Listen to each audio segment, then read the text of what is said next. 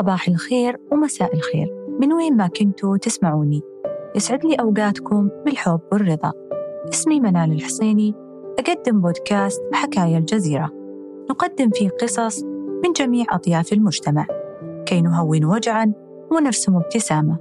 ولأن الغد يلوح وينتظرنا والماضي قد رحل وولى. وقد تواعدنا مع أفق الفجر الجديد ليلقي في قلوبنا فيض من الأمل والسعادة. قصتي بدأت في نهايات 2012 لما كنت في كورسات علاج لأجل الحمل. وفعلا بحمد الله تم ما كنت أرجوه من رب العالمين في بدايات 2013 وفي نفس الوقت كانت العائلة تحتفل بقدوم إخواني خريجين أمريكا ماستر في هذه الأثناء وفي زحمة استعدادات كانت والدتي تشتكي من ألم ونزف بسيط في صدرها. اعتبرناه شيء عادي أو مرض جلدي. في منتصف ذلك الأسبوع وقبل قدوم الخريجين بأربع أيام. رحت المستشفى عشان أعمل تحاليل الحمل وبالمرة رافقتني الوالدة ونصحتنا الطبيبة بعمل أشعة على الثدي. بعد يومين رحنا عشان النتائج. دخلت على الطبيبة باركت لي بالحمل. الفرحة ما سعتني انتظار خمس سنوات كورسات علاجات متعبة. لكن جت الطامة اللي ما كنت في يوم من الأيام أحسب لها حساب. بعيون حزينة الطبيبة كانت تتكلم عن مرض سرطان الثدي وأنه من أسهل الأنواع. لن أنسى نظراتها التي كانت بمثابة مواساة للوالدة ولي أنا. ما أخفيكم؟ الخبر كان مثل الصاعقة حزن نساني فرحتي اللي سبقتها بعشر دقايق فرحة الحمل. طلعت من الطبيبة وأنا أجر خطواتي وما أقدر أشوف أي شيء قدامي.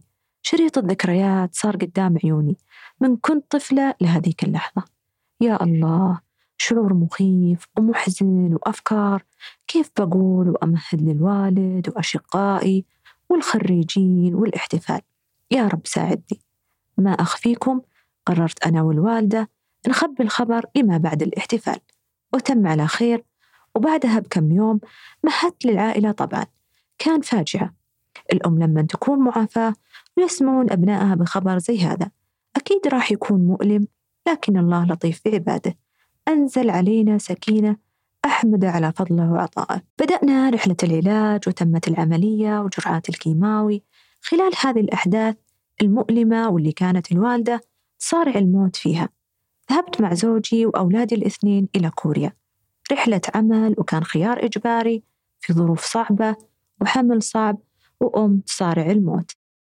كان ذهابي ثالث أيام العيد. أذكره جيدا. وصلت البلد بنفسية سيئة ألم غربة وحمل وأم ما أعرف أرجع أشوفها أو لا. عدى أول شهر في كوريا. من الطبيعي كأي حامل أعمل المراجعات الروتينية للحمل. بالفعل بدأت شهر شهرين. في الشهر الثالث أخبرني زوجي أنه راح يغير المستشفى من سامسونج إلى مستشفى جامعي أتذكر كان اسمه مستشفى يونسي الجامعي.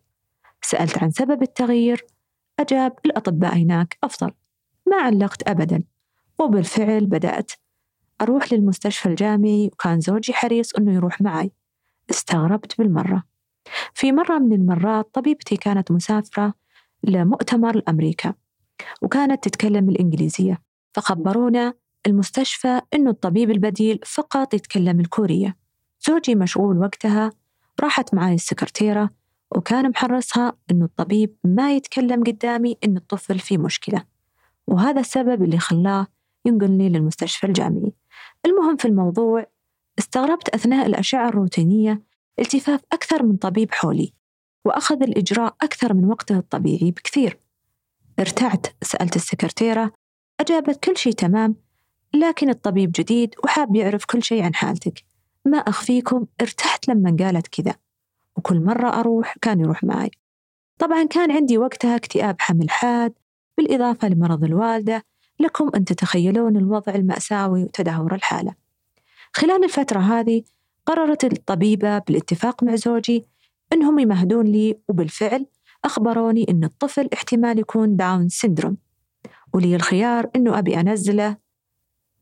طبعا قررت تعبت لكن قلت أنا راضية والآن في نهاية الشهر الخامس وديني يخالف القرار هذا.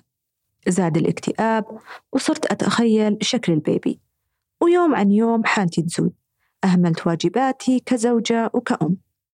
في الشهر السابع كان آخر جرعة علاج كيماوي للوالدة.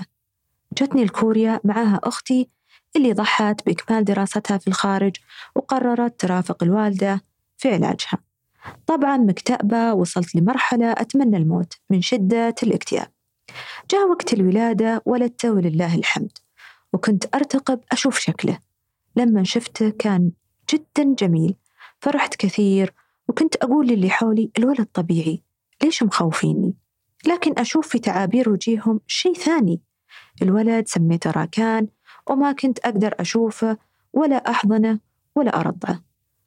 طلعت من المستشفى الولد جلس شهرين.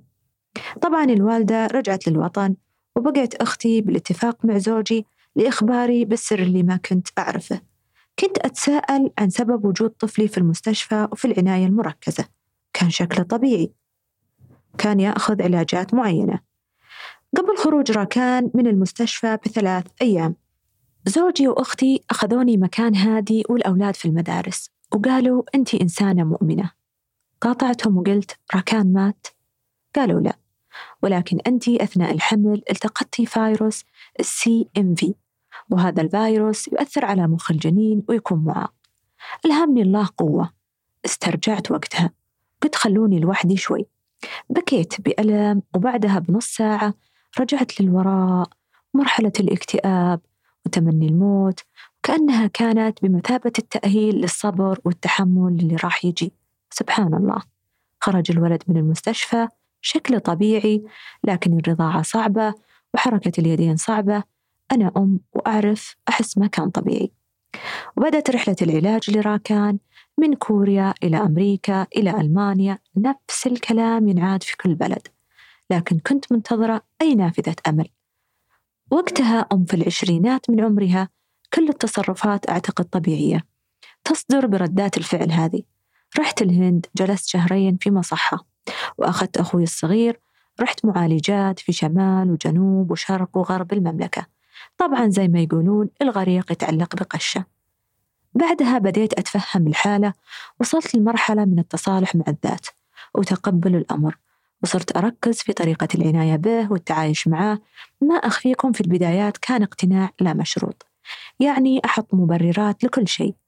من جوا ما كنت مقتنعة أقنع نفسي بالغصب. اللي صار معي ممكن يصير لأي أسرة ممكن يكون عندها طفل جديد عليها بالوضع هذا.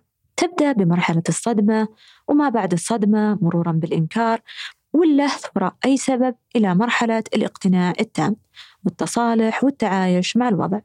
طبعا خلال هذه المراحل المجتمع ما يخليك في حالك. قليل منهم المطمئن. ممكن تسمع كلمات تشمت وأحيانا كلمات تعاطف.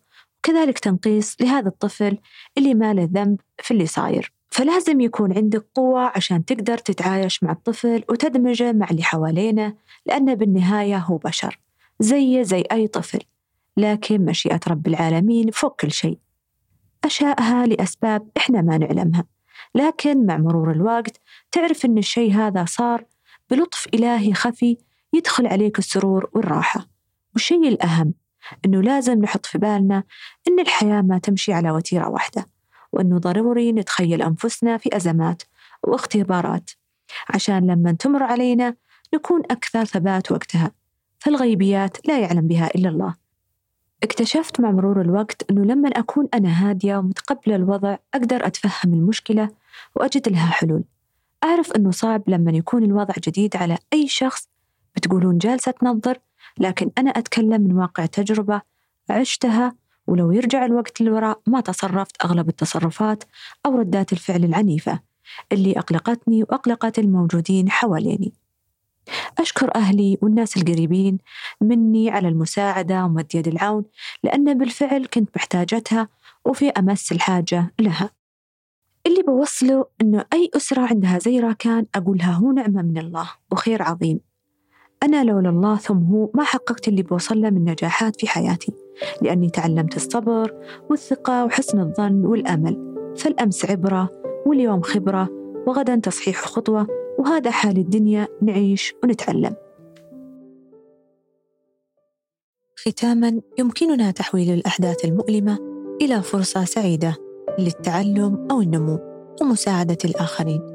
نريد مساعدة بعضنا لأن الإنسان يحب الحياة ومن حوله سعداء لا تعسى ودمتم بود.